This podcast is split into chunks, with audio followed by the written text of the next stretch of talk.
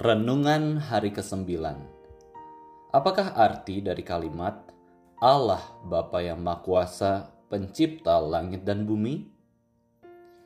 Kalimat ini memiliki arti yaitu Bapa yang kekal dari Yesus Kristus Tuhan kita, Allah Bapa yang sudah ciptakan langit dan bumi serta segala isinya, menopang dan memelihara bumi ini, dia jugalah yang akan menyediakan segala sesuatu yang diperlukan bagi tubuh dan jiwa kita.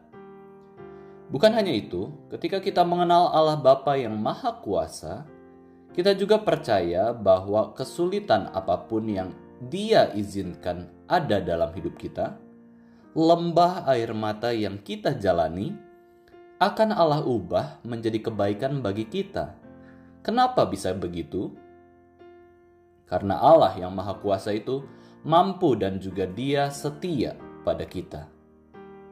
Betapa besar anugerah yang kita pahami ketika kita mengenal Allah Bapa yang Maha Kuasa. Sungguh anugerah yang besar. Bapak, Ibu, Saudara yang terkasih dalam Tuhan, Allah pencipta seharusnya mudah untuk kita sembah dan agungkan. Sayangnya, orang Kristen pun sering kali meragukan bahwa Allah itu Maha Kuasa dan Pencipta segala sesuatu. Sangat disayangkan bila orang Kristen tidak percaya Allah itu berkuasa dan juga menciptakan segala sesuatu.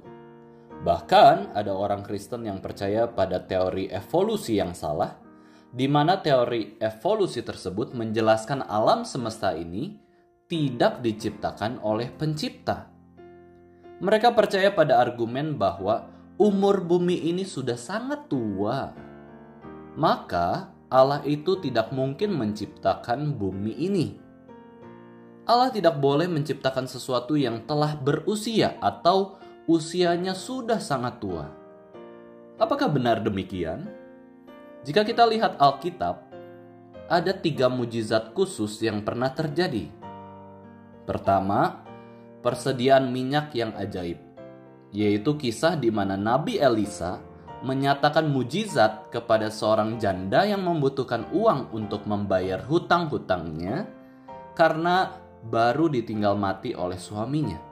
Minyak itu terus ada. Yang kedua, perubahan air jadi anggur, yaitu di mana Yesus menyatakan mujizat di pesta pernikahan karena anggur sudah habis. Yesus ubah air jadi anggur dalam sekejap. Yang ketiga, pemberian makan kepada 5.000 orang dengan bahan 5 roti dan 2 ikan. Ini semua mujizat yang luar biasa. Yang paling kelihatan adalah perubahan air jadi anggur.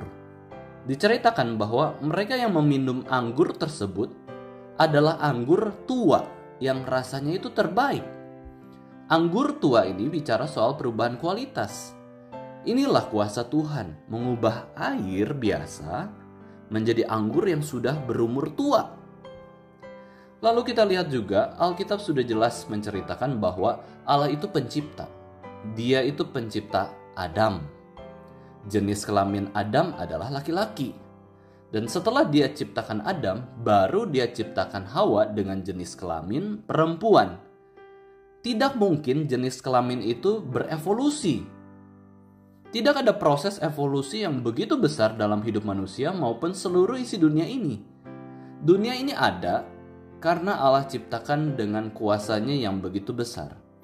Dan memang ada bagian-bagian tertentu bahwa dunia ini mengalami perubahan, tapi itu bukan perubahan yang besar. Itu perubahan yang beradaptasi dengan alam. Bapak, Ibu, Saudara yang terkasih, inilah penghiburan kita Allah itu maha kuasa. Dia itu pencipta seluruh isi dunia ini. Oleh karena itu, tidaklah sulit bagi dia untuk memerintah segala ciptaannya. Hal yang paling sulit bagi kita pun tidaklah sukar baginya.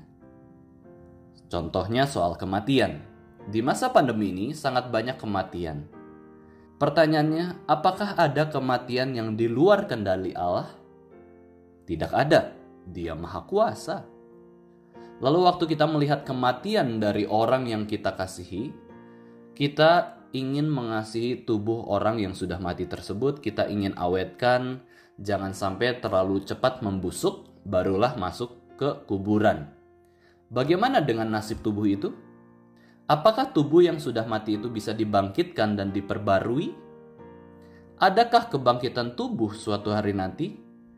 Bapak Ibu Saudara sekalian, jika kita mengenal Allah sebagai pencipta kita, tidaklah sulit untuk percaya bahwa ada kebangkitan tubuh. Allah itu mencipta dari yang tidak ada menjadi ada. Apa sulitnya sih membangkitkan tubuh yang sudah mati dan membusuk? Penciptaan Allah dari yang tidak ada menjadi ada, inilah hal yang esensial dalam kekristenan. Allah berfirman, maka semuanya itu ada. Allah itu maha kuasa. Lalu bagaimana dengan sains? Ilmu pengetahuan? Sains tetap ciptaan Allah. Sains berurusan dengan hal-hal yang sudah eksis, sains tidak punya kemampuan memahami di balik hal-hal yang sudah eksis. Sains tidak bisa tahu bagaimana semua yang dicipta ini bisa ada. Itu sains.